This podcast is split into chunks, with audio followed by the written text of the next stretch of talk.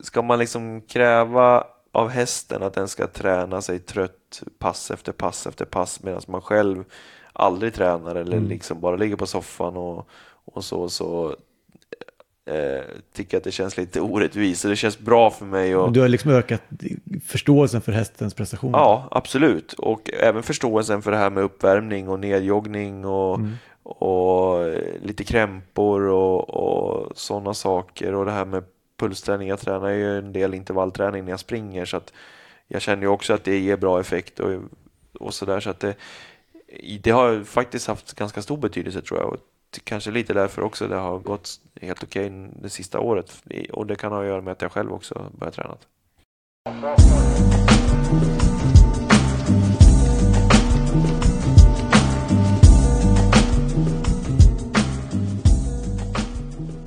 Med travet i generna och uppvuxen på Stora Alby fanns det kanske aldrig något alternativ.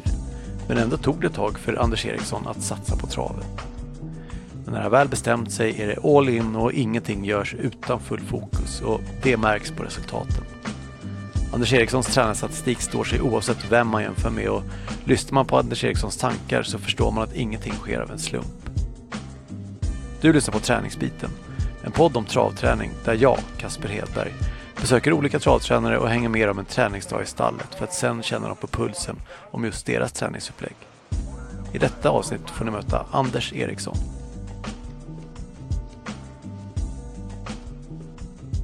Men du, har du något eh, mellannamn? Edvin. Edvin. Så Anders E. Eriksson skulle det varit om det fanns någon annan Anders Eriksson. Ja, så hade det varit. Så hade det varit. Men det, är det inte lite eh, konstigt att det inte finns en enda Anders Eriksson till i hela Sverige som har licens? Jag tänkte säga, det finns ju många Anders Eriksson i Sverige, men ingen annan som håller på med trav. Jag har Nej. sett att det finns en, någon amatör från Kalmar som är född på 50-talet tror jag, men jag vet inte vad han Ja, jag tror på. inte han har licens längre, för nej. jag kollade det här så sent som igår, bara för att nej, det, ja. du är enda. Den enda Anders Eriksson. Ja, lätt att komma ihåg då. Ja, precis. Du har ju gedigen travbakgrund. Och eh, ser man liksom bara på stammen så att säga så eh, går det inte att bli förvånad över eh, framgångarna. Men eh, snarare är det så att det här är ju precis det man förväntar sig. Eh, och hade man skrivit ut en stamtavla i en sån här auktionskatalog så hade ju precis allt varit med svarta fetade bokstäver känns som. Eh, din farfar Kjell var travtränare på Bollnästravet. Pappa Ulf Eriksson är också tränare. Eh, men kanske ännu mer känd som kusk. Och firat stora framgångar med Milligan Skor nu på sistone.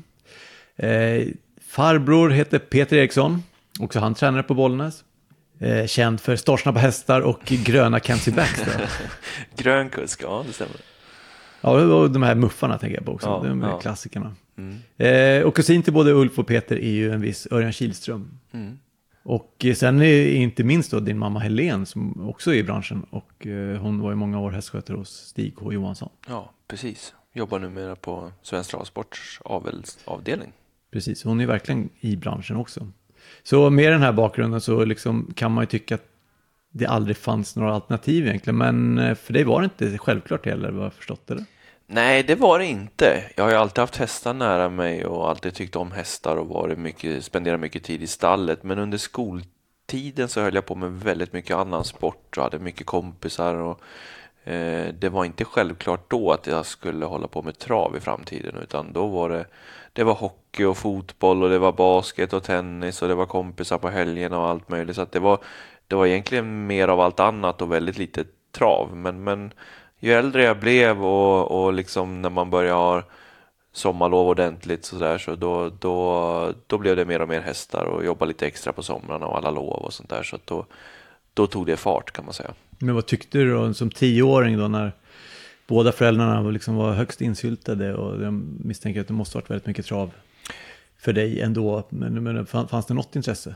Ja, det fanns det absolut. Det har det funnits hela tiden med hästar. Eh, och även eh, liksom sen ännu längre tillbaka, sen jag var riktigt liten, så har det alltid varit hästar och jag har alltid varit intresserad. Men, men att jag skulle jobba med det i framtiden, eh, det trodde jag inte och det intresset fanns inte riktigt utan när jag var, säg mellan 10 och 14, då var det liksom, det var innebandy, fotboll, hockey och kompisar. Det, det var mitt största intresse liksom, förutom att man gick i skolan då, men, men det var vad jag la eh, fritiden på helt enkelt. Och när, eh, när gick det upp för att det var travet som var din väg framåt?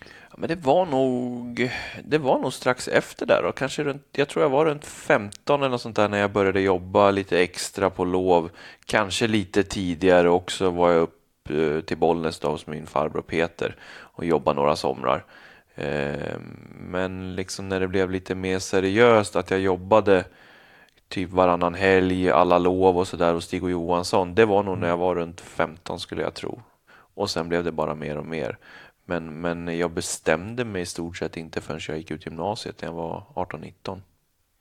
Och eh, vad hade du för bild då? då? Alltså då, det, liksom, då när man går ut gymnasiet, då tänker man ju, jag hade inte som, som, som framtidsdröm eller tro då att jag skulle bli någon stor travtränare eller kusk eller något sånt där då, utan det var ju egentligen bara att eh, fortsätta med det som, som jag hade jobbat med på loven fast istället ta ett, ett heltidsjobb då. Så att jag, jag började som heltidsanställd hos Stig och Johansson när jag var 18-19 år där efter gymnasiet och då hade jag liksom inget annat i tanken än att vara hästskötare. Utan jag, jag var hästskötare, jag hade ingen körlicens då på den tiden utan det var att jobba i stallet som alla andra hästskötare. Nästa steg, när, när, när fick du känslan för det då? Liksom när blev du sugen på att ja, men det här, jag vill satsa, jag vill köra, jag vill träna? Ja, men jag tror jag började ta började liksom med lärlingslicensen strax efter det, något, något år efter kanske. Jag hade någon kompis som, som, som också körde lopp. Liksom, som, och jag tyckte också att eh, alltså, kör han lopp så, så ska jag också köra lopp. Mm. Liksom. Det, det, är mycket, det är roligare att vara med och tävla också. Så att jag tog, tog eh, lärlingslicensen kanske när jag var där 19-20 då, 20 kanske. Eh, eller ja, 19, ja, 19 20. Och eh, det gick bra. Sen, ja, som i början när man är lärling, man kör väldigt sporadiskt, något lopp i månaden typ. Mm. Eh, och det gick väl med blandat resultat i Kommer början. Kommer du ihåg första loppet? Eh, jag tror det. Det var ett Stig faktiskt. Jag, var nog, jag kommer liksom inte ihåg själva tävlingsdagen eller loppet i sig. blackout eller? Nej, nej, men jag var nog nervös. Jag var ganska nervös av mig de första, säg 50 loppen jag körde. Så var jag, jag hade lite problem med nervositet då. Eh, vilket har helt kommit över nu. Nu är jag, jag ska inte säga att jag är raka motsatsen, men det är väldigt sällan jag känner nervositet eller att jag på något sätt stressar upp mig över en uppgift idag. Mm. Men då var det inte detsamma, utan då var jag nervös. Men jag tror att hästen hette Jessie Lane, om jag inte minns mm. helt fel. Det var en Ingen häst. klocka. Ja, det var en häst som Stig hade. Jag tror det var en treårig vallack. Vad den var efter kommer jag inte ihåg. Men en, en, en snäll häst helt enkelt. Och han gick väl helt okej, okay, var fyra, fem eller sådär. Jag tror inte jag gjorde något större fel, men jag gjorde inget, inget liksom tongivande Mm. insatser heller i, sulken, utan jag tog mig mål. Men din första seger då, den måste du väl minnas? Ja, den kommer jag ihåg. Det var med, jag tror hästen hette Red Carpet. Eh, det var åt min, min farbror eh, Peter. Han hade en, en, en kompis från Gävle som var amatörtränare, så jag minns inte om han tränade den själv eller om Peter tränade den. Eh. Men den stod i alla fall hos honom i Bollnäs och, och, jag vann ett par lopp med honom faktiskt. Men just första segern togs på Gävle med den och det var typ med 7-8 längder så jag hade god tid mm. på mig och, och känna, känna att det här, det här blir första segern. Blir det rent av eh, segergest? Det minns jag inte. Jag tror inte det. Jag är inte så mycket för just det. Nu knackar det på här. Känner Vi spelar podd.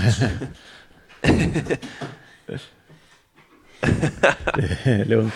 Fick vi hundbesök här. Ja, trevligt. Här. Hej kompisar. Tommy. ja, det är lugnt. Var det något särskilt Tommy? Nej, jag skulle bara visa en grej. Men vi tar det sen. Ja, vi tar det sen. Det märks att med på yttersta på Menhammar när Tommy Berghagen knackar på dörren och kikar in. Det hade nog varit konstigare förresten om Tommy inte hade tittat förbi. Det var i alla fall vad som hände här, men nu fortsätter vi.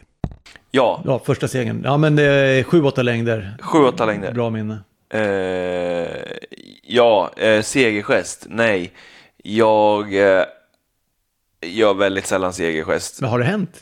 Ja, det har det gjort. Eh, faktiskt så hände det en gång här nu i slutet på sommaren när jag vann eh, med Gaylord Am på V75 på Färjestad. Det var min första tränarseger på V75 och den, det kändes, den segern kändes skönt. Det hade nog inte det var nog inte just det att det var V75, men vi hade verkligen siktat mot det loppet. Jag hade en känsla att han skulle vara riktigt bra. Allting stämde och, och han vann, så då, det var skönt. Det var ingen kasta pisken i luften och sånt där, men det, var nog en knuten näve i alla fall. Jag, det var, jag var riktigt nöjd då. Då får man kosta på sig. Ja. Ja, då får man anstränga Men vad, vänta, minns jag rätt? Var, var det inte typ bakspår? Och... Ja, han hade bakspår. Eh, Bakspår 2-1, men det var första gången vi körde barfota runt om, första gången med rycktussar.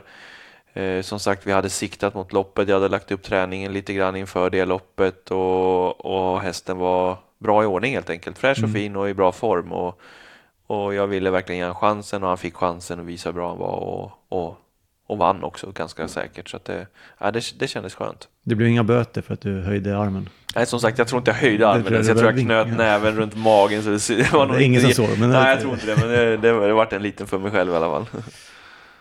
Yes, men du är uppvuxen på Stora Alby. Eh, och det måste ju liksom i travkretsar vara lite som att vara uppväxt på Kentuckys näringslikaste bluegrass-gräs. Liksom. Vad- Vilka år var det du bodde där? Eh, jag är född i Bollnäs då. Vi, familjen bodde i Bollnäs när jag föddes. Eh, bodde mina fyra första år där. Sen när jag var fyra år flyttade vi till Stora Alby. Eh, mamma jobbade som hästskötare hos Stig och Johansson. Pappa var tränare inne på Solvalla då. Eh, eller var tränare på Solvalla. Och ehm, ja, så att liksom ut, hela min uppväxt som jag kommer ihåg är ju från Stora Alby helt enkelt. Men, Så men- fyra år till du var... från 94 då, jag är född 90, så från 94 tills, tills jag flyttade hemifrån då helt enkelt efter gymnasiet, runt 20 kanske då. Mm. Eh, Så 16 år i sträck bodde jag där. Sen eh, hade jag en sejour till senare när jag var runt 25 då jag jobbade hos Stig igen och då bodde jag där i två, tre år också. Så att jag, ja, ja 20 år kanske jag har bott på Stora Alby. Och 94, men det här är ju Stigås eh, primetime-år verkligen.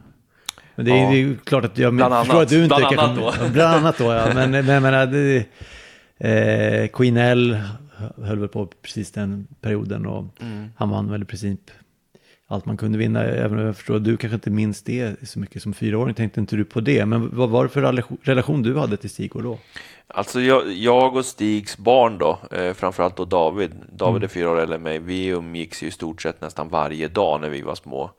Eh, så att för mig var han ju min bästa kompis pappa i stort sett. Och inte, alltså då när man är, säg när man är mellan fem och tolv år så har man ingen aning om liksom, ja, Eh, celebriteter eller liksom kända personer på det sättet som man har kanske idag. Så att för mig var han min bästa kompis pappa som hade väldigt mycket hästar på gården och, och, och så. Men, men eh, eh sen förstod man ju ju äldre man blev att det är en framgångsrik person med ett med känt ansikte utåt. Sa, sa du Stig eller fick man säga Stickan? Eller vad? Nej, jag sa, det nog, jag sa nog Stig. Stig eller kanske ingen som får säga något annat? nej, jag vet inte. Nej, det kan nog hända att någon säger något annat. Men nej, för mig var han Stig. Men som sagt, för mig var han min bästa kompis pappa. Hur eh, håller ni kontakten idag? Eh, ja, det är väl i stort sett mest nu när vi ses inne på Solvalla. Jag kör ju lite grann åt honom fortfarande eh, lopp då. Eh, men nu har han ju inte så många hästar kvar längre. Men, men jag körde en del åt honom även för några år sedan. Han hade ett lite större stall i alla fall. Så att då, då hördes vi av några gånger i veckan liksom och så. Men, men nu blir det väl kanske på sin höjd en gång i veckan. Men är, ni har en levande sms-tråd kanske ändå? Vad sa du? Ni har en levande sms-tråd där? Ja, det har vi. Absolut, absolut. Nej, men det, jag och Stig har alltid haft en bra relation. Skickar han emojis?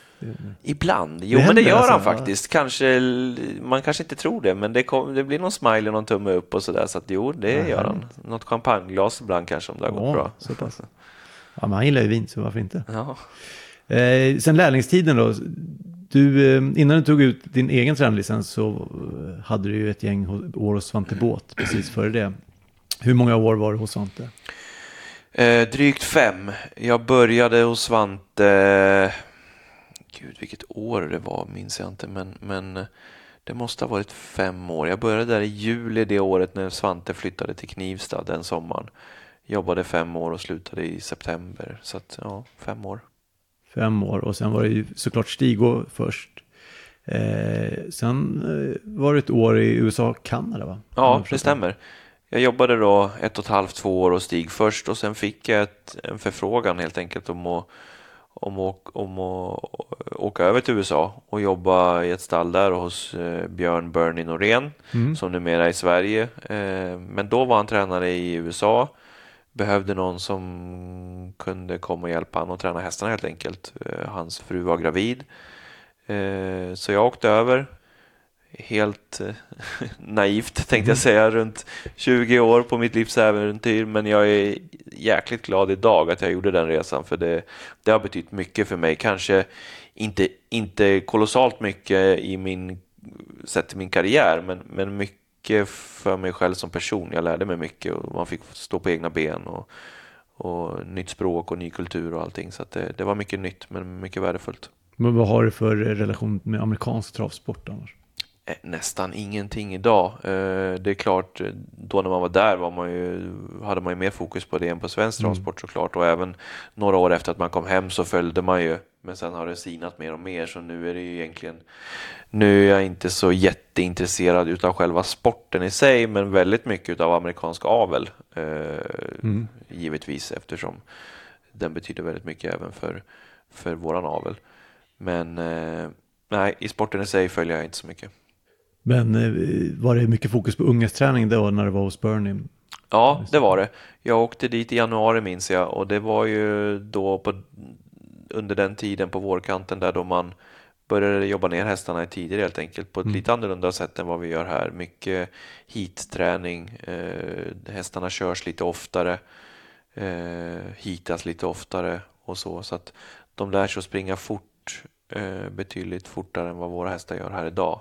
Givetvis också lite grann med att de, i alla fall på den tiden för tio år sedan, var i, låg före oss i, i aveln också. Så att de hade tidigare hästar helt enkelt. Men det blev ett år, var det, var det sagt från början att det skulle vara så? Eller var det... Nej, först var det egentligen bara sagt, jag var där, jag var där i tre månader bara under mitt eh, liksom resvisum eller vad det heter. Så jag var egentligen bara där tre månader först för att se, se mig för. Och sen eh, krävdes det ju ett, eh, ett längre visum för att vara kvar, så jag åkte egentligen hem.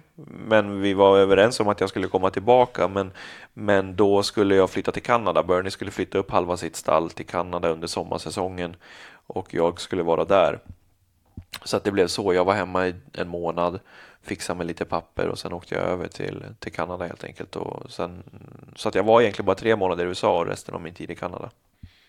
Och det är ganska lik kultur där med travsporten, eller? Eh, ja och nej. Eh, kanadensisk travsport var i alla fall på den tiden kanske lite mer åt vårat håll eh, än vad amerikansk travsport är. Någonstans där mittemellan. Eh, eh, absolut inga enhandsdrivningar. Eh, lite strängare regler vad gäller eh, medicinering och sånt.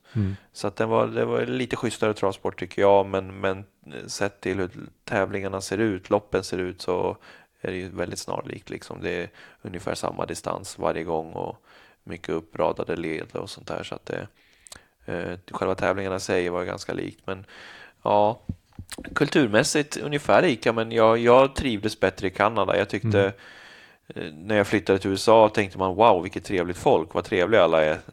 Till skillnad från oss hemma i Sverige, man ja, tittar bort när man ser någon på mataffären. Det var verkligen som att komma till en ny värld. Och så blev det ett steg ytterligare i stort sett när jag flyttade till Kanada. Där var folk än mer trevliga. Okej. Så att det var nästan, man tänkte, är det sant? Men jag trivdes väldigt bra där. Man lärde känna mycket folk och alla är väldigt utåtriktade och det är inte så mycket egotänk helt enkelt, utan man, man umgicks väldigt mycket där och jag, nej, det, var en, det var en rolig tid att, att, att vara där. Men det är inget som lockar dig som travtränare? Idag? Ja. Nej, inte alls faktiskt. Det, Det skulle vara det sociala i så fall? Eller? Ja, men nu har jag ett socialt liv här hemma också och det hade jag på den tiden också, men det var väldigt kul. Men skulle jag flytta dit, skulle jag flytta dit idag så skulle jag få börja om på nytt. För de kontakter jag hade för tio år sedan eh, har man ju tappat nu på tio år när man inte har varit där. Så att det skulle jag få börja dra igång en helt ny verksamhet och nu när jag precis har dragit igång en verksamhet i Sverige så känns det väldigt långsökt. Det får vänta, Ja. om det blir. Om det blir. Eh, efter det här året då så, så kom du hem och jobbade hos Stefan Hultman. Ja, det stämmer.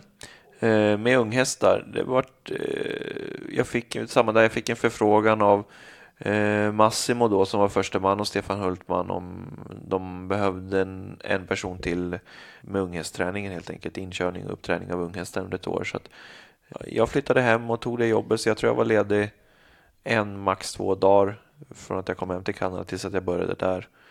Eh, och var där ett år och trivdes väldigt bra med det. Det var ju också det är lite annorlunda mm. uh, att komma från en väldigt snabb travsport i, i USA och Kanada då, där det är väldigt viktigt att få hästarna i ordning tidigt på tvåårssäsongen till lite raka motsatsen. Här har man längre tid på sig. Hästarna skulle egentligen, ja, alltså Stefans filosofi var att hästarna skulle vara som bäst då, då Eh, i slutet på treårssäsongen helt enkelt. Liksom, mm. när, när det vankas kriteriet och Breeders Crown. Och så var ju ofta fallet. Hästarna var ofta som bäst då. Mm. Eh, men det är ett väldigt betydligt längre tidsspann man har att jobba med hästarna på då sett eh, jämfört med USA och Kanada. Så att det, det var ett lite annorlunda upplägg, men det var nyttigt även det. Och då var det ju på gården yttersta då, bredvid Menhammar och det är där vi sitter nu idag. Ja. Men vi kommer tillbaka till det. Eh, men om, om du då inte hade valt travets väg där, där det stod och, det kanske inte stod och, och vägde, men eh, tanken fanns kanske att du skulle kunna göra något annat också. Men vad tror du hade gjort om du inte hade blivit liksom satsad på travet? Jag vet faktiskt inte, om jag ska vara helt ärlig. Eh, ja, jag vet faktiskt inte. Det, det var kanske ödet i slutändan att jag skulle hålla på med det här även om det inte kändes så då. Men, men... Eller generna, alltså, det fanns kanske ingen väg fram. Ändå. Nej, men jag, nej, så kan det vara också. Men jag har alltid varit liksom, jag har aldrig blivit driven in till travsporten från mina föräldrar eller från mm. några släktingar utan snarare tvärtom. Att de hellre i första hand såg att jag i alla fall utbildade mig till någonting annat. Eller att jag gick en vanlig skola i alla fall och mm. inte travskola. Alltid fått berättat för mig att ja, hästar kan du hålla på med ändå eller det, det kommer komma naturligt om du vill det. Och det gjorde det ju. Mm. Du ville det bara lite för mycket. ja. Så för 2020, förra året då, så tog du till slut ut eh, din egna licens, tränarlicens. Eh, vilken stjärnbild liksom stod rätt på himlavalvet för att du skulle ta steget just då?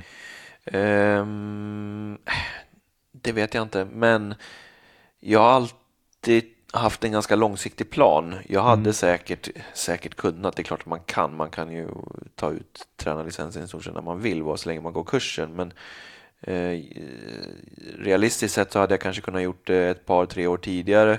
Men det kändes inte riktigt, eh, jag kände mig inte riktigt mogen för det då helt enkelt, utan det, jag tyckte att det behövdes lite mer tid och, och, det kändes helt plötsligt rätt. Det kändes mer och mer rätt under det sista året mm.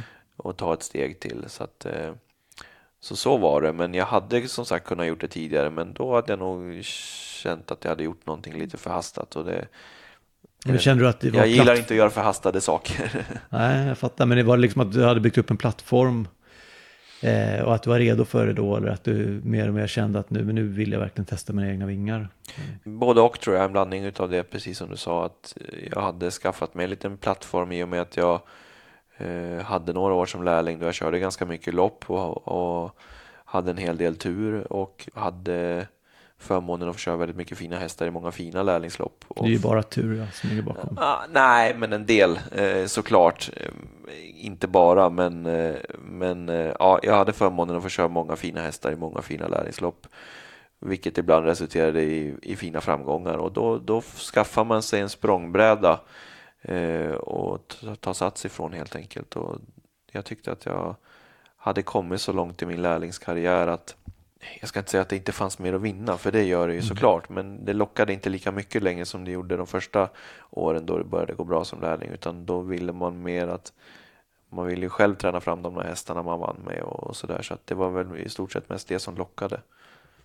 Kanske att du kände att du hade massa egna idéer du ville testa? Ja, det också såklart. Man har ju varit på några ställen och tagit med sig både det goda och onda från alla ställen såklart och kunna få någon form av sammansvetsning eller något liknande, ett eget koncept mm. på det man har lärt sig ville man ju testa. Men de här ställena du har varit runt på, vad, vilken har format dig mest? Eh, jag skulle nog säga att det är en blandning, men givetvis mest tiden från både Stig H och eh, Svante. Då. Det var ju där jag spenderade Mm. längst tid. Jag var väl fem år hos Stig och fem år hos Svante, så att det, det finns en anledning till att jag var, var där i så många år också. Jag trivdes väldigt bra hos båda dem. Och, men eh, lärde mig eh, både bra och mindre bra saker från, från båda hållen. Mest bra såklart. Men eh, lite olika, lite olika upplägg och, och idétänk, eh, de kontra varann. Så att, Mm. ja, jag kan inte säga vem som har präglat mig mest, utan det är nog en blandning av de bägge två. Förstår.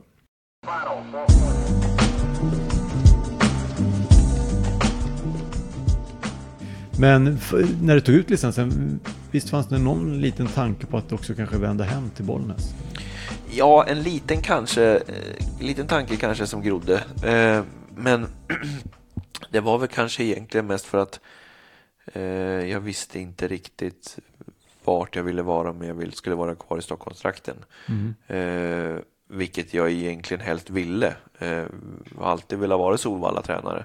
Men tänkte väl någonstans kanske att det, ja, kanske det är bättre att börja på en mindre bana. Eh, Bollnäs eh, känner jag lite folk, har folk runt omkring mig som kan hjälpa mig och stötta mig.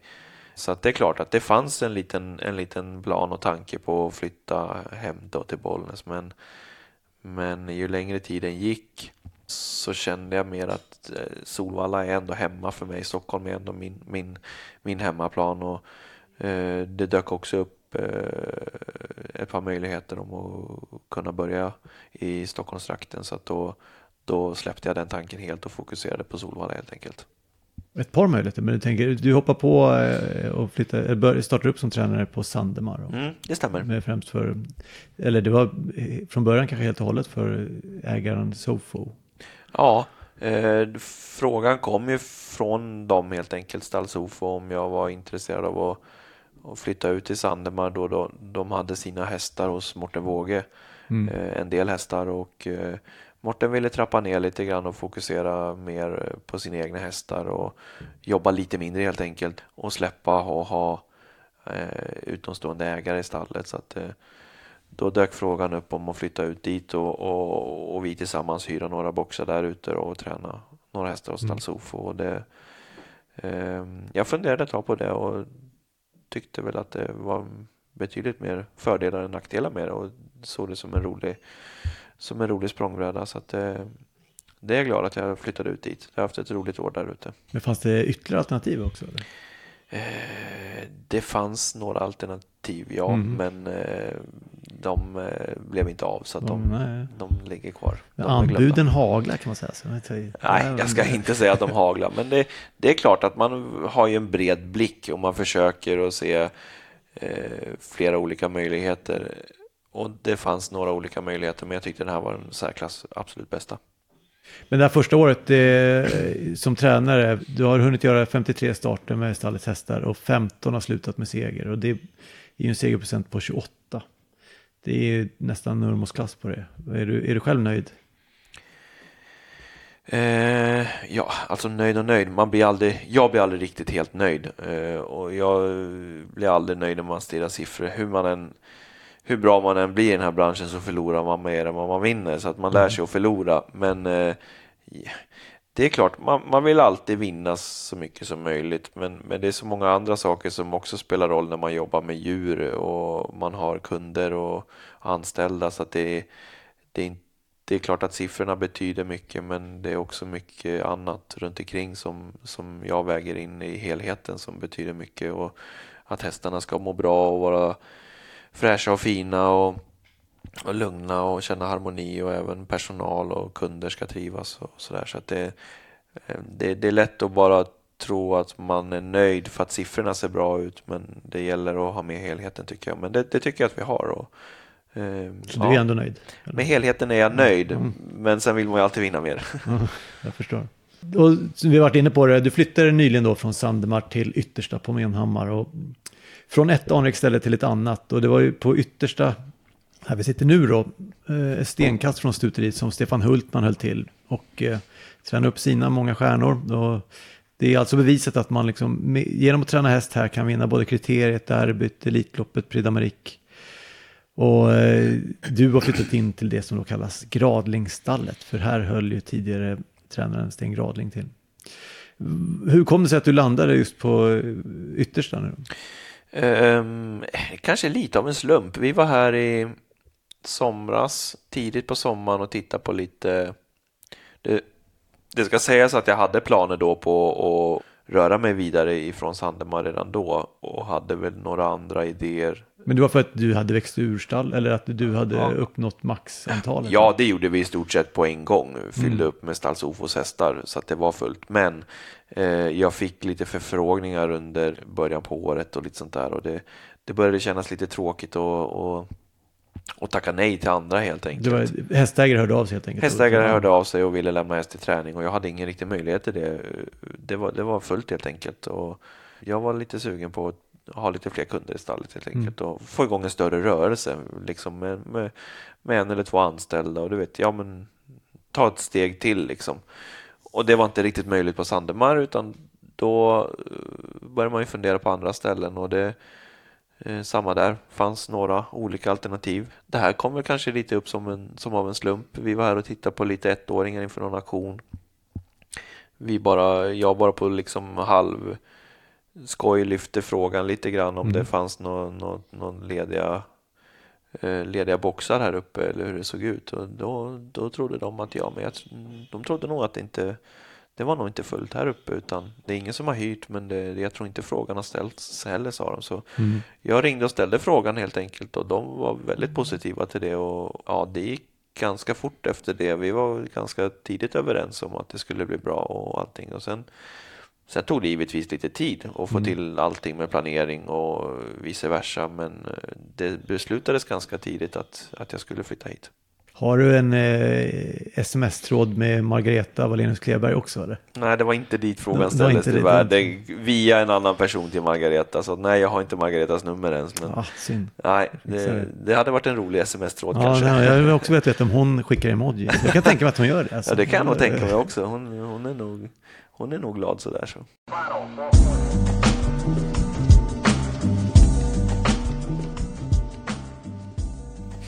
Men hur ser träningsmöjligheterna ut här på gården? Bra tycker jag. Det ska också sägas att vi hade jättefina träningsmöjligheter Mm. på Sandemar. Så att jag går ifrån jag går ifrån någonting riktigt bra till någonting annat riktigt bra. Så att Mm. det, jag går inte från några dåliga möjligheter till bättre utan eh, jag går ju i stort sett till ett ställe där jag kan ha lite fler hästar. Mm. Eh, Och givetvis lite andra möjligheter eh, sett till träning. Men ja, Men rent konkret, det, det, Konkret, det finns en ja. slinga. Det finns en slinga på 6 kilometer som är kuperad och fint material. Den är formad som en åtta med lite krökar här och där. Perfekt tycker jag, både för motionskörning och uppvärmning av äldre hästar, men kanske framför allt för uppträning av unghästar. Mm. Eh, Vad är det som gör den passande för dig? Ja, det, det är liksom lite pulshöjande partier, dels med lite backar, några ganska branta backar uppför. Eh, det svänger lite åt bägge håll, de får lära sig att springa åt bägge hållen. Det är två raksträckor som är runt 400, drygt 400 meter, då man kan lägga in två intervaller på, Mm. på slingan. Ehm, så att enbart den funkar väldigt bra till att träna unghästar på. Sen kommer ju den tiden när unghästarna måste jobba ner i tider och, och liksom gå lite fortare helt enkelt. Och då, då har vi dels både en, en rakbana, en, en eh, klassisk rakbana, eh, en rundbana på 1000 meter och en, den klassiska backen då helt enkelt eh, på 800 meter som jag tycker är riktigt bra. Alltså den, den, eh, ja, jag skulle nog vilja säga att det är en av Sveriges bästa backar att träna i. Vad är det som gör den så bra? Ja, dels är det bra längd på den. Jag tycker inte att man behöver köra något mycket mer än 7, 700 meter, 700-800 meter i en backe. Det, det, när man når toppen, i alla fall på den här backen, så, så, så är det lagom liksom. Det, man, man hade nog känt att, man, att det blir lite fel om man kört längre. Sen är början på backen då där vi vänder upp nere, första 150 meterna är det ganska, ganska brant så att de kommer upp i, i, i rejäl puls på bara 150 meter och sen flackar den ut lite grann eh, gradvis till att de sista 100 meterna är det ganska flackt. Mm. Vilket gör att du kommer upp i en bra puls som de ska träna i direkt utan att behöva köra för fort och sen kan du bara liksom, ja, hålla den farten hela vägen upp. Så du behöver aldrig köra något riktigt fort uppför. Nej, precis. Vi, har, vi, vi, kan, eh, vi kommer komma till det när vi pratar lite mer om dagspasset. Mm. Där vi benar upp eh, hur intervallerna ser ut. Men eh, jag håller med, det var en fin backe. Mm. Hur många boxar hyr du här nu då på yttersta?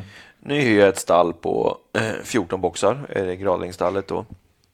Men eh, jag har även blivit lovad några fler boxar i stallet bredvid då, mm. som vi i sådana fall kommer dela på. Så att, eh, jag hoppas kunna komma upp i runt 20 hästar i alla fall här framöver.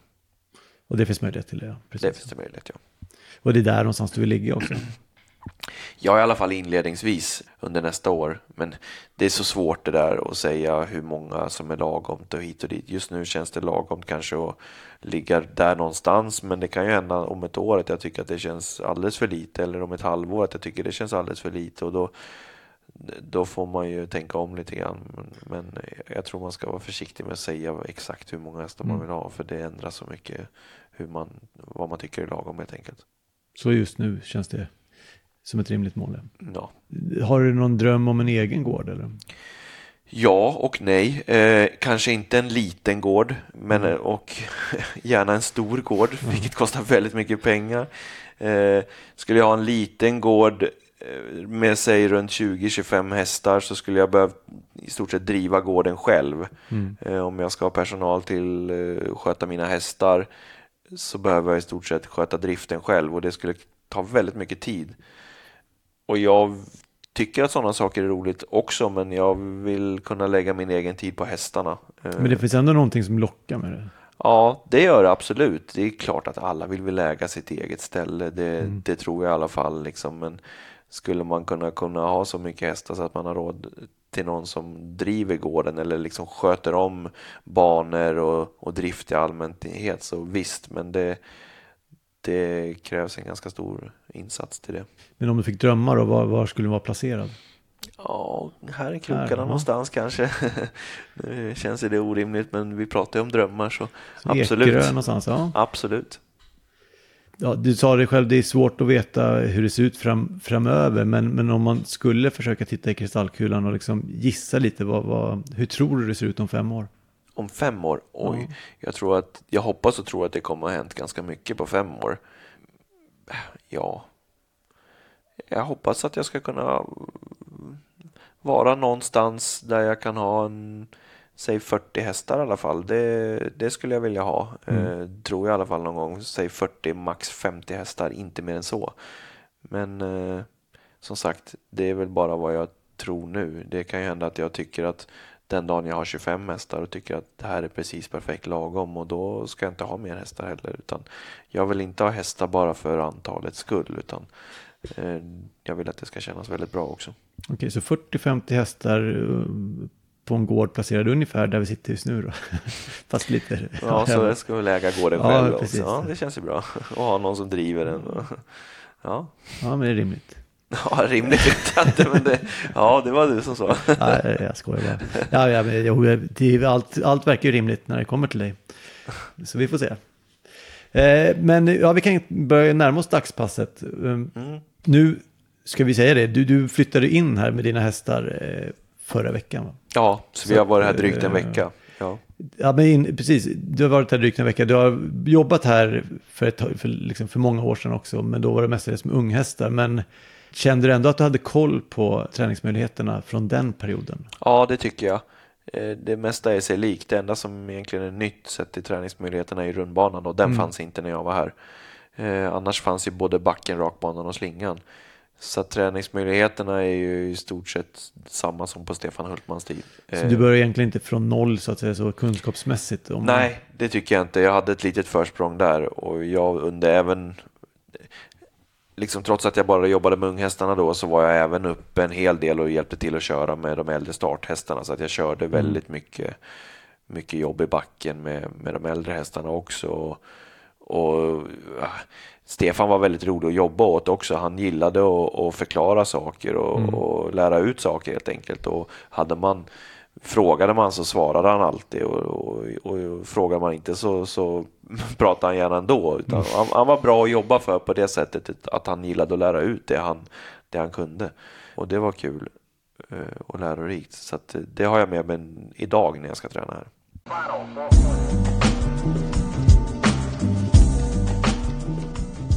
Men eh, första passet i morse då, vi gav oss iväg du och jag med varsin häst, två starthästar som skulle gå i backen.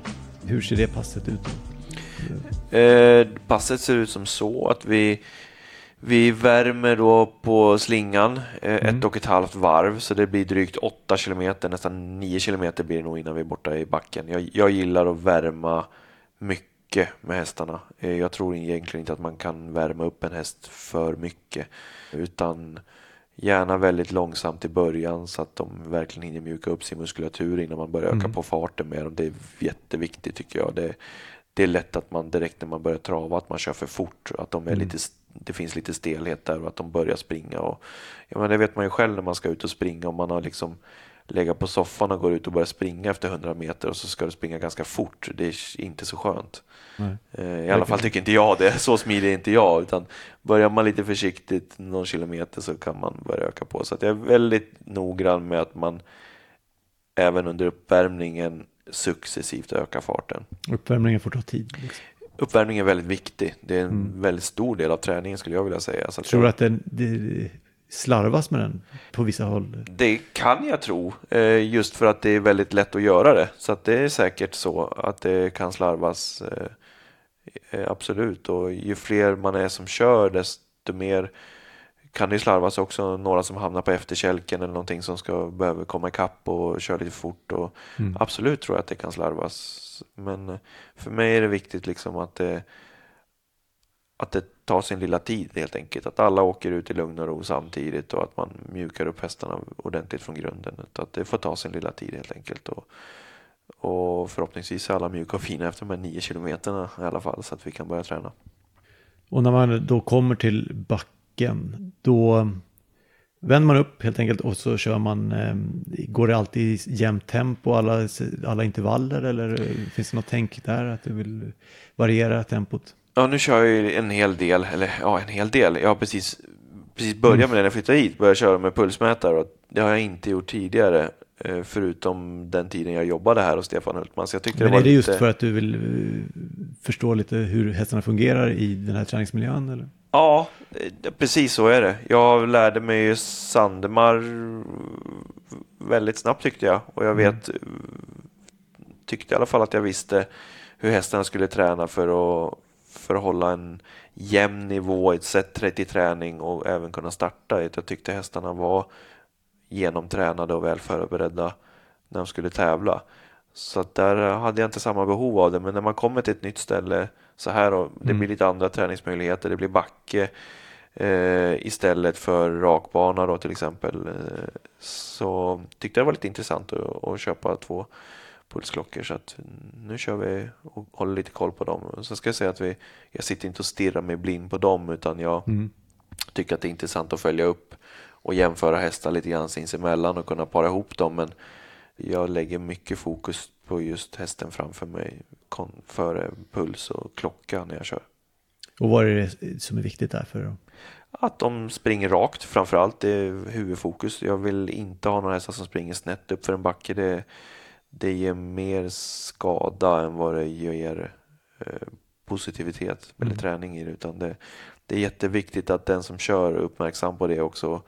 Eh, försöker hålla hästen rak och, och klarar man inte som, som kusk när man tränar och hålla hästen rak när man tränar då är det mycket, mycket sannolikt att någonting stör hästen. Så då mm. eh, kollar man upp det helt enkelt och ser om man hittar något fel. Och sen så förhoppningsvis är det något fel då som man kan mm. åtgärda. Mm som rättar upp hästen. Och gör inte det så får man ta till sin kunskap på andra sätt. Men, men, men, eh, men det ja. först då det, det andra så att säga, hjälpmedel kan vara aktuella ja, utrustningsmässigt? Absolut.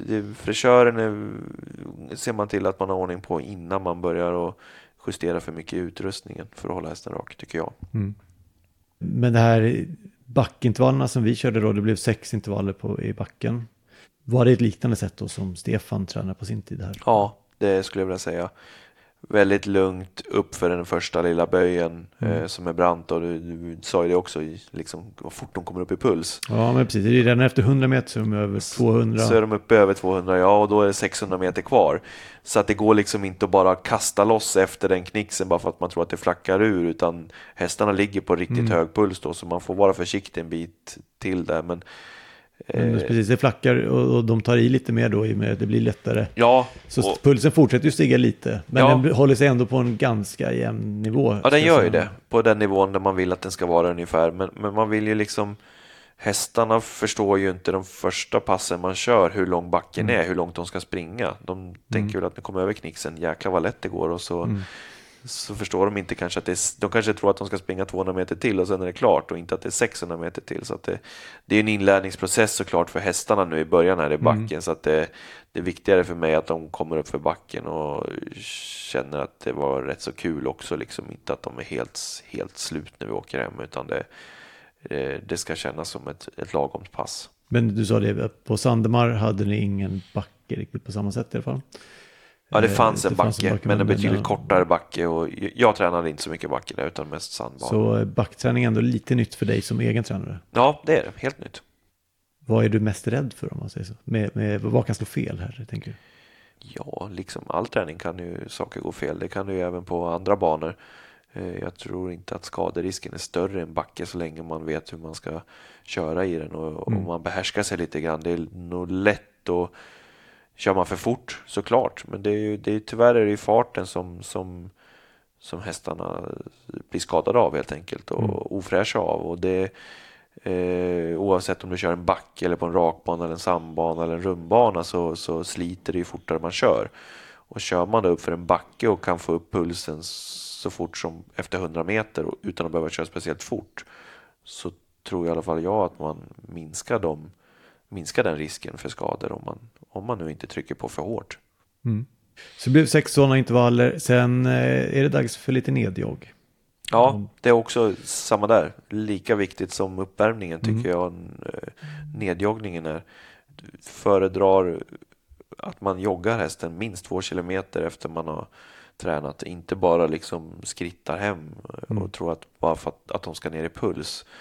Det är Varför att, är det viktigt då? Ja, men det, det är klart att hästen går ner i puls fortare när man Mm. skrittar, när man joggar, men det är inte det som är det viktiga med nedjoggning, att de så fort som möjligt ska ner i puls, utan ur med alla slaggprodukter som hästen har fått Mm. från eh, mjölksyran då när man har tränat. Ehm, så att jogga hellre av lite för mycket än för lite. Det, eh, pulsen hinner vi se ändå när vi kommer in, så att det, Mm. nej, det är viktigt att man joggar av så att de eh, fått joggat ur alla slaggprodukter efter de har tränat.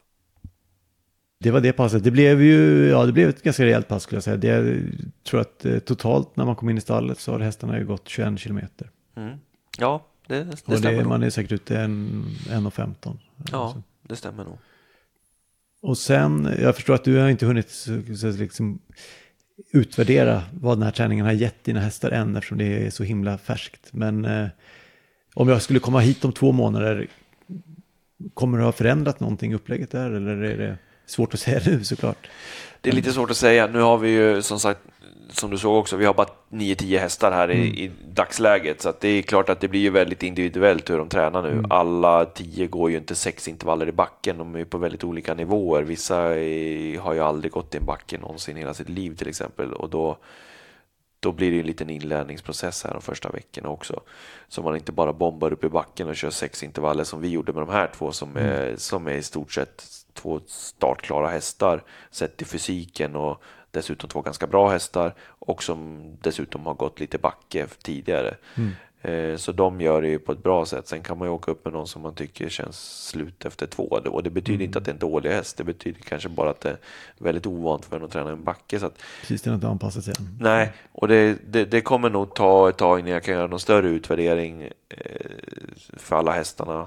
Hur jag tycker att det är ja, hur, jag ska, hur jag ska justera. Men givetvis kommer jag justera saker, det gör man ju hela tiden. Men det gäller att skruva lite grann i en skruv i taget och inte vända om för mycket. Det, det tror jag inte riktigt på. Det blir svårt att veta vilken förändring som Exakt. har gett utslag. kanske. Exakt. Pass nummer två, då joggade vi lite hästar bara.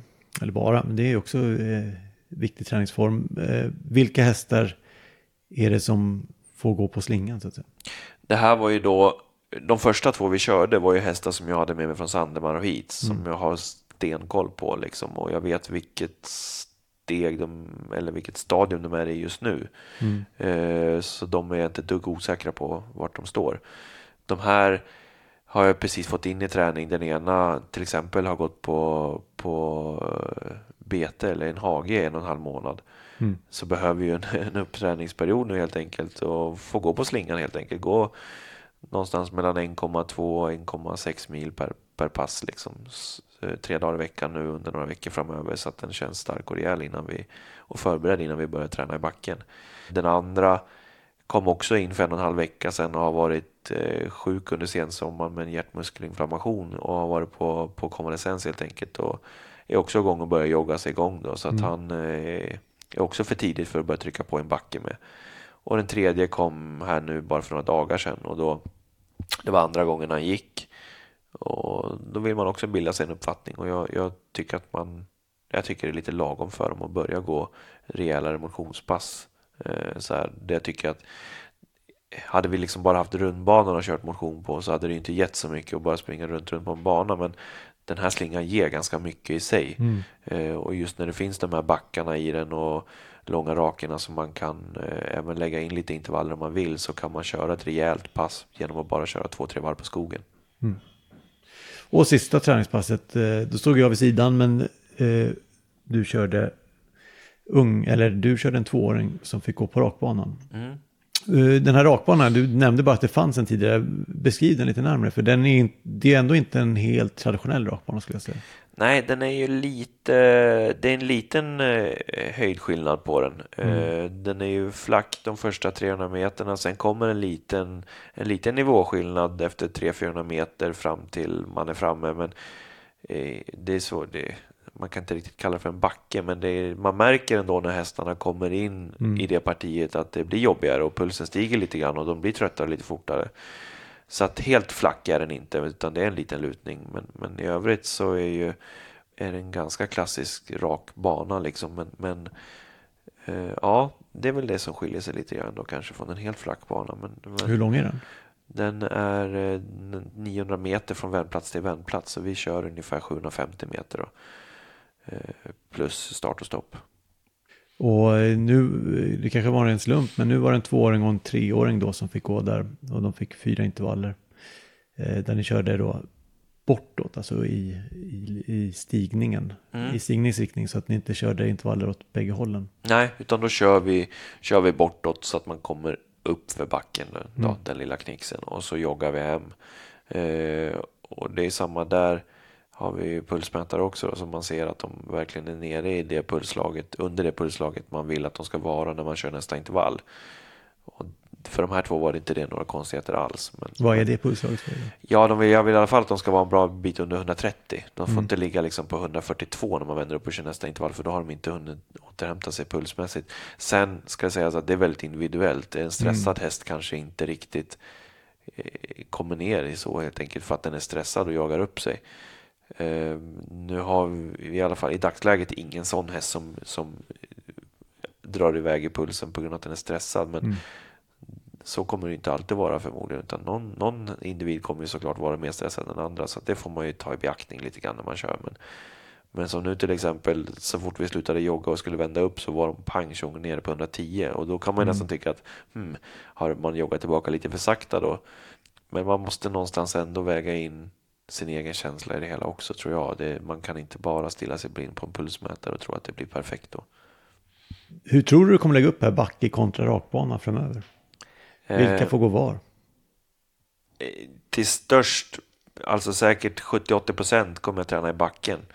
Eh, äldre hästar, eh, hästar under någon form av kanske säg vinterträning eller uppträning kommer tränas i backen. Sen tycker jag att det är bra att rundban eller rakbanan finns för att kunna köra några snabbare intervaller ibland om man vill få lite mer spring i benen och för att kanske någon gång ibland hästarna får göra någonting annat än att bara springa backen.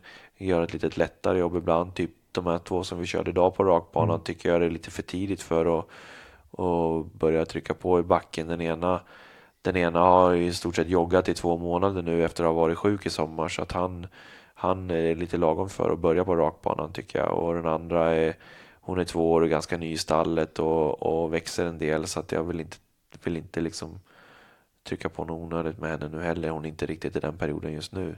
Men eh, säg att de går på rakbanan tre, fyra veckor nu och sen så är de i backen som de andra igen. Mm. Och i ditt eh, koncept förekommer det banjobb? Ja, absolut. Eh, jag ska inte så mycket med de äldre hästarna, kanske inför någon start, men inte kontinuerligt, kontinuerligt banjobbsträning för de äldre hästarna. Men, men jag tycker bra att rundbanan finns här sett för de yngre, yngre hästarna. F- Just för att slippa åka in till Solvalla var och varannan vecka då, som man kanske behöver göra annars under eh, senvåren eller tidig sommar när man vill få ner tvååringarna i, lite, lite lägre farter så, så är det bra att rundbanan finns här för man kör i alla fall 20 med unghästarna utan problem. Okej, så den kommer användas. Den kommer användas.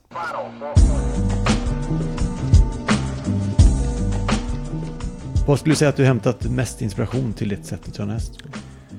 Ja, alltså intervallträning tror jag i stort sett 98 procent av alla tränare i Sverige eh, jobbar efter idag och det är liksom det är forskningsbevisat att det intervallträning är eh, det mest effektiva sättet att träna kondition på även för en människa. Så att det, att det är någon form av intervallträning tycker jag är ganska självklart. Mm. Och sen vart man utövar den, om man gör det på en rakbana, en backe eller en sandbana eller en rundbana. Det, det är klart att det, det spelar roll, men det viktigaste är hur man, att man vet hur man ska träna under de möjligheterna man har. Att man liksom inte tror att det viktigaste är att ha 17 olika banor och, och, och jag kör lite här och kör lite där för att banorna är bra. Men, men det, det är nog mer viktigt, bättre att ha två banor bara så länge du vet hur du ska träna på dem. Men om du stöter på något problem då, eh, träningsrelaterat problem, vad, hur tar du an det då?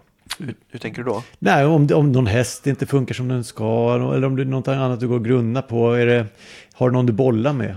Eller Eh. någon du ringer? Någon du... Ja, absolut. Jag har ju ja, dels min pappa då, till exempel som har varit tränare i, i 40 år nästan. Så att, eh, han pratar jag mycket med i veckorna och sen ja, kollegor överlag. Jag tycker att liksom, vår- tränarkår är väldigt, väldigt öppen med det mesta. De flesta tycker om att prata om träning. Liksom. Det, det är inga, inte så mycket hemligheter. Det är klart att det är vissa som, som inte vill kanske dela med sig av sina erfarenheter, men de flesta överlag tycker jag är, tycker det är kul att diskutera träning. Vi alla vill ju att hästarna ska bli bättre och bättre och må bättre. Så att, eh, Men när sker det här? Är det i omklädningsrummen? Eller? Ja, lite så. Det tycker jag.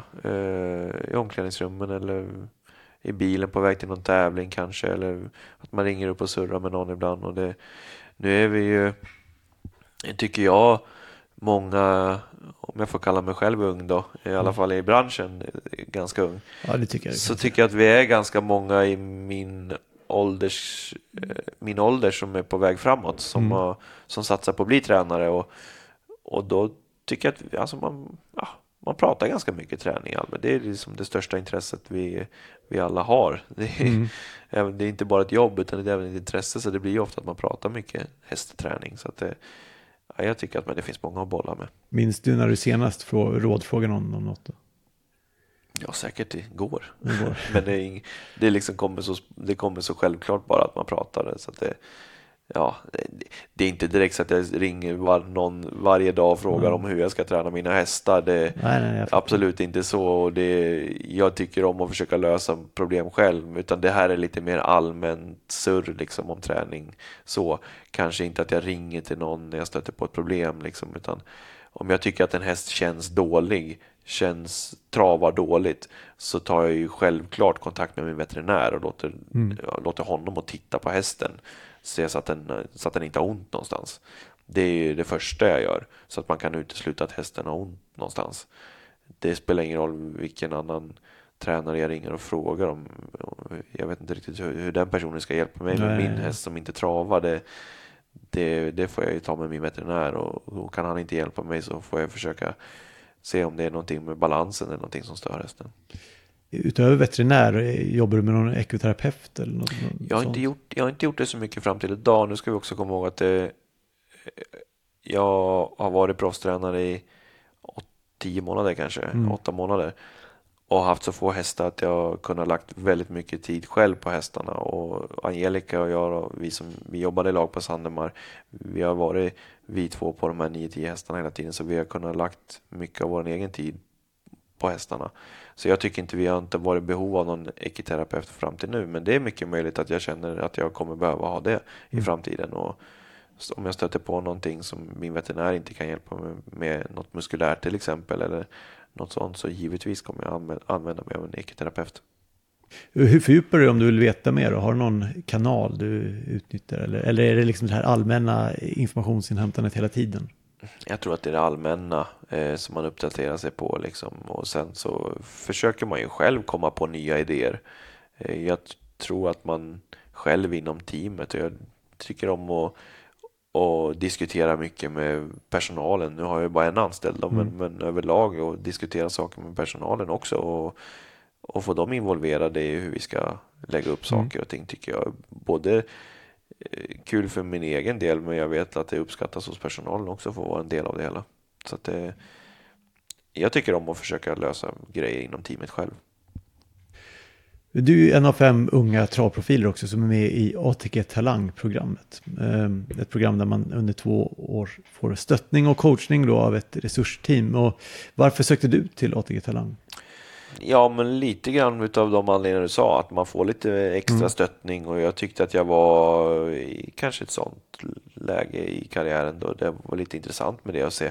Såklart, sen visste jag inte helt och hållet vad det gick ut på. Jag var lite nyfiken helt enkelt Mm. och se om, om jag hur det skulle vara och vad jag skulle kunna få hjälp med och sådär. Så att jag, jag var inte helt säker på, på vad, det, vad det var riktigt när jag sökte. Utan Vad har det gett dig då det här första året? Eh, det har gett mig en hel del. Det har, vi ska säga att det har varit ett år där det har varit väldigt stränga restriktioner. Mm, svårt att träffas. Ja, svårt att träffas allihopa tillsammans. Så det har varit lite enskilda möten då, och en del föreläsningar på, på eh, datorn och Mm. sånt. Men lite kanske för få träffar, men det, det har ju sina, sina anledningar. Men det öppnar nog upp lite grann nu i framtiden. Men, men eh, jag har haft mycket individuella samtal med Hasse Backe som är vår mentor och, Mm. och så. Det har gett en hel del tycker jag. Hasse är en väldigt human person som, som vet hur ledarskap fungerar i, i stora lag och det, det har jag haft mycket hjälp med. Är det främst den biten du känner att du behöver hjälp med? Ja, jag tycker nästan det. Just att ha en tydlig ledarroll. Och Hasse är även hästägare Mm. eh, hos flera olika tränare. Så han ser ju han kan ju se det från en hästägares perspektiv liksom och vet vad man som hästägare vill ha och, och inte. Så att där har jag också fått mycket hjälp med. Jag läste någonstans att du också kommit igång lite med din egna träning. Eh, Ja, Mycket tack vare ja, ATG Talangprogrammet. då. Eller det kanske inte stämmer. Ah, kanske inte just, jag var igång och tränade innan ATG Mm. så att det är ingenting jag kommer igång med nu sista månaden utan jag har tränat i alla fall i kanske ett och ett halvt, två år betydligt mer än vad jag gjort tidigare. Jag har alltid Mm. tyckt det varit intressant med träning men inte känt att jag har haft så mycket tid och energi över till det. Men, men eh, för ett och ett halvt år sedan så tog jag mig kragen och ville helt enkelt börja träna mer själv. Så att jag, jag tränar en hel del nu, ja, men det är inte på grund av ATG talangprogrammet. Nej. Sen har det varit, sen har vi haft lite hjälp av en PT där eh, om man vill eh, vid behov då. Så att det har jag tagit hjälp av några gånger, men, men det var ett tag sedan nu. Men vad är det för typ av träning du gör själv? Mycket rörlighetsträning. Eh, jag tränar ju inte för att bli bodybuilder. Alltså Mm. jag springer väl kanske, när jag sprang som mest sprang jag väl kanske fem dagar i veckan. Eh, och tränade eh, när jag kom hem, övningar hemma. Mm. I somras så har jag ett, hade jag ett utegym på den sträckan som jag sprang så då blev det alltid att jag sprang fem kilometer och sen tränade jag på utegymmet innan jag gick hem en halvtimme något sånt där. Det, det är ganska lagom. Det, det, träning får liksom inte ta tre timmar för mig, det har jag inte tid eller ro till utan om jag kan tycker det låter springa ganska mycket ändå. Ja, men Springa om en jag- femma och, och, och träna. Ja, men om jag 30 kan springa i en femma på eh, vad det nu tar 22-23 minuter och sen träna en halvtimme efter det och sen gå hem så har jag gjort allt det jag behöver på en timme liksom och då har jag ju tränat effektivt och fått ut det jag vill. Så att, och jag, framförallt så mår jag väldigt bra av att träna. Rensa tankarna lite grann. Jag blir mycket piggare av det. Så att det är också en stor anledning till, att- till att jag tränar. Har det hjälpt dig som travtränare då? Ja, jag skulle komma till det också nu. Ja, det, ja, jag tror också att man har man sk- ska man liksom kräva av hästen att den ska träna sig trött pass efter pass efter pass medan man själv aldrig tränar eller Mm. liksom bara ligger på soffan och, och så så eh, tycker att det känns lite orättvist. Så det känns bra för mig och Du har liksom ökat förståelsen för hästens prestationer. Ja, absolut. Och även förståelsen för det här med uppvärmning och nedjoggning och, Mm. och eh, lite krämpor och, och sådana saker. Och det här med pulsträning. Jag tränar ju en del intervallträning när jag springer så att jag känner ju också att det ger bra effekt och, och sådär. Så att det, det har faktiskt haft ganska stor betydelse tror jag. Kanske lite därför också det har gått helt okej det sista året. Och det kan ha att göra med att jag själv också börjat träna. Okej, så det här är kanske ett tips då till... Ja, men det tror jag och inte bara ett tips för att bli bättre tränare, men framförallt ett tips ut hälso. Jo, jag fattar. Men det är det givna kanske. Att alla, för ja. alla kan ju räkna ut att man mår bättre om man Ja, sig. men att, inte att alla, finns- alla kan nog inte räkna Nej. ut. Jag tror alltså, jag kan säga helt ärligt själv, jag tyckte att jag mådde ganska bra innan jag började träna. Men jag mår betydligt bättre efter jag började träna, så, så kan jag säga. Eh, Så oavsett hur man mår bra man mår, fast man inte tränar, så tror jag Mm. att man kan må ännu lite bättre om man tränar. Jag förstår, jag håller med.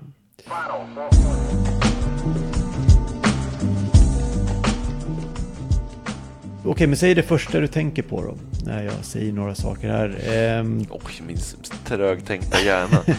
Fem snabba, det är ingenting för mig. men eh, du, du, säg vad du tänker Ja, på bara. ja. Tryckvagn. Tryckvagn. Mm. Ehm, jag har lite dålig erfarenhet av tryckvagn.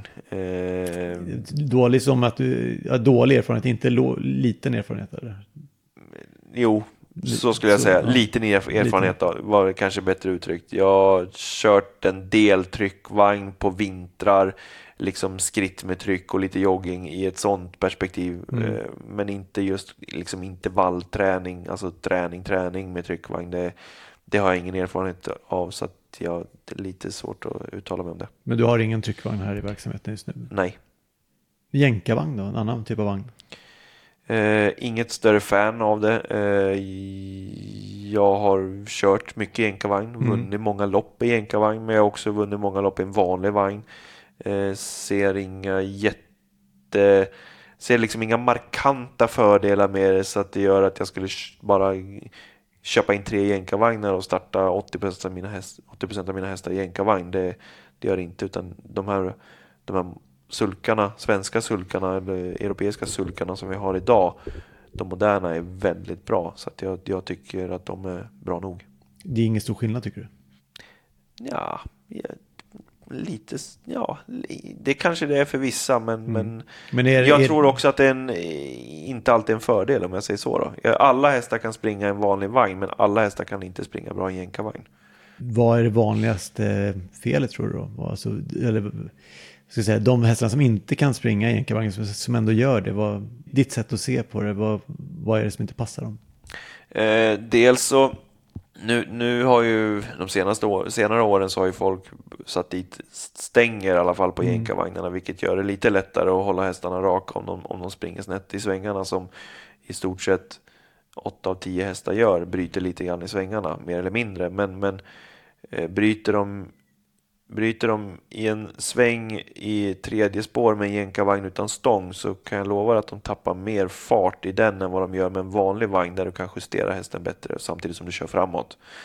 Så att det är väl den största nackdelen tycker jag. Att det, Då är det liksom skitsamma att man tjänar någon, någon decimeter där ändå. Ja, jag tycker nästan det och jag gillar att ha hästarna rak hela tiden. Jag tror att det, det är bra helt enkelt och då jag tycker det är lättare att hålla hästarna raka i en vanlig vagn. Sen, sen finns det de som är nästintill helt raka och, och, och har ett sånt steg och inte allt för dunderstora hästar som, som rör sig bra i en jänkarvagn. Jag säger inte att det, att det alla hästar är bättre en vanlig vagn. Men jag tror att det finns fler hästar som har nackdel att springa i en jänkarvagn kontra en vanlig vagn. Okej, nu blir, nu blir det ändå inte så korta svar, men det är mitt Mm. fel. Men är, det, är debatten lite överdriven tycker du? Då? Från spelarnas Eh, perspektiv? Ja, det tycker jag. Jag tror att det finns fler utrustningsändringar, eller viktigare utrustningsändringar än, än vilken vagn man har. Som, som Till exempel. till exempel ett eh, helt stängt huvudlag kontra ett öppet huvudlag. Mm. Eh, till exempel rycktussar kontra fast bomull. Till exempel barfota kontra skor. Tycker jag Mm. alla de tre är viktigare än om man har en jänkarvagn eller en vanlig vagn. Vad tycker du om tvååringstävlande? Um, ingenting emot det alls så länge hästarna är förberedda för det. det är, oavsett vilken ålder de är. Det finns hästar som, jag menar, startar man en häst i november som tvååring eller en häst i januari som treåring förstår jag inte riktigt vad det ska vara för någon större skillnad. Det, så länge hästen är fysiskt förberedd för det och har, har växt klart eh, i den mån att den kan, är redo för att tävla så jag har ingenting emot det överhuvudtaget. Det finns, det finns hästar som kommer ut på våren som treåringar och inte är förberedda då för att tävla. Så då kan man ju ställa frågan, ska vi tävla med treåringar? Men Mm. givetvis ska vi göra det. De flesta är förberedda, men jag säger bara att det kommer ut oförberedda tvååringar och det kommer ut oförberedda treåringar och ibland kommer det ut oförberedda fyraåringar. Så att det, nej, Men har om man säger så här då, du... eh, Kort svar, nej jag har ingenting emot det. Nej, men precis. Vill ändå ha det långa svaret. Eh, om du, du har ju inte som ambition att äga hästar själv i din verksamhet, men säg att du, du har en fin eh, unghäst som du ändå äger själv. Och eh, den tränar jättebra som tvååring. Kommer du då sikta mot en tvååringsstart med den hästen? Där du inte har någon ägare som liksom kanske pushar på eller har en önskan om att få se sin häst. Om hästen känns förberedd för det, ja, men det ska komma nat- naturligt för hästen. Jag, jag, det, jag vill inte, jag tänker absolut aldrig pressa eller kräva av en häst som inte känns redo för att starta som tvååring att starta som tvååring. Men då, det av naturlig väg visar sig att den är väldigt talangfull och gör det väldigt enkelt och ser, eh, ser känns förberedd helt enkelt. Så absolut, om jag äger den själv kommer jag starta som tvååring. Yes. Okej, sista snabba frågan här då. Spår 7 eller 10? Och nu pratar vi autostart. Får du välja. Ja, det beror helt på vad man har för häst. Eh, har du en jättestartsnabb häst, spår 7, absolut. Du, men som sagt, eh, har du en häst som är osäker bakom bilen och som inte öppnar någonting så tycker jag att 10 ibland kan vara ett ganska bra spår. Mm. Eh, och då är ju 7 helt iskallt, för då kan du ju räkna med att du behöver backa bland de allra sista. Men har du en startsnabb häst så är ju 7 bättre än 10, då kan du komma förbi de flesta. Så att det, det, Hugget som stucket. det, alltså. ja, men det beror ju helt på vilken häst man har. Är det två eh, spår du eh, tycker underskattar eller överskattar? Mm, jag tycker att 10 är underskattat. Mm. Det Eh, verkar ändå, där- dit är väl kommen då. Att det ja. kanske, ändå, kanske ändå blir 10 före 7 ändå, ibland. Ja, som sagt, om det är två medelsnabba hästar, om man säger att det är, de är normalt snabba från start, att man från spår 7 inte kommer förbi fyra stycken, då tycker jag att spår, då hade jag hellre tagit spår 10. För då, du liksom är i stort sett nästan ner i andra spår på en gång. Du har, du har häst nummer 9 eh, innanför dig och ibland väljer den in i spåret direkt och då har du direkt ner i andra spår. Och ibland gör den inte, men ibland blir det då en lucka framför nian, mellan nian och tvåan och ibland kan du bara backa ner bakom nian om den öppnar bra så sitter du någonstans i mitten i andra spår. Liksom. Du behöver inte söka position på samma sätt som du gör från spår 7. Det krävs både mycket av dig själv som häst och, eller som, själv som kusk och utav hästen för att hitta en bra position därifrån.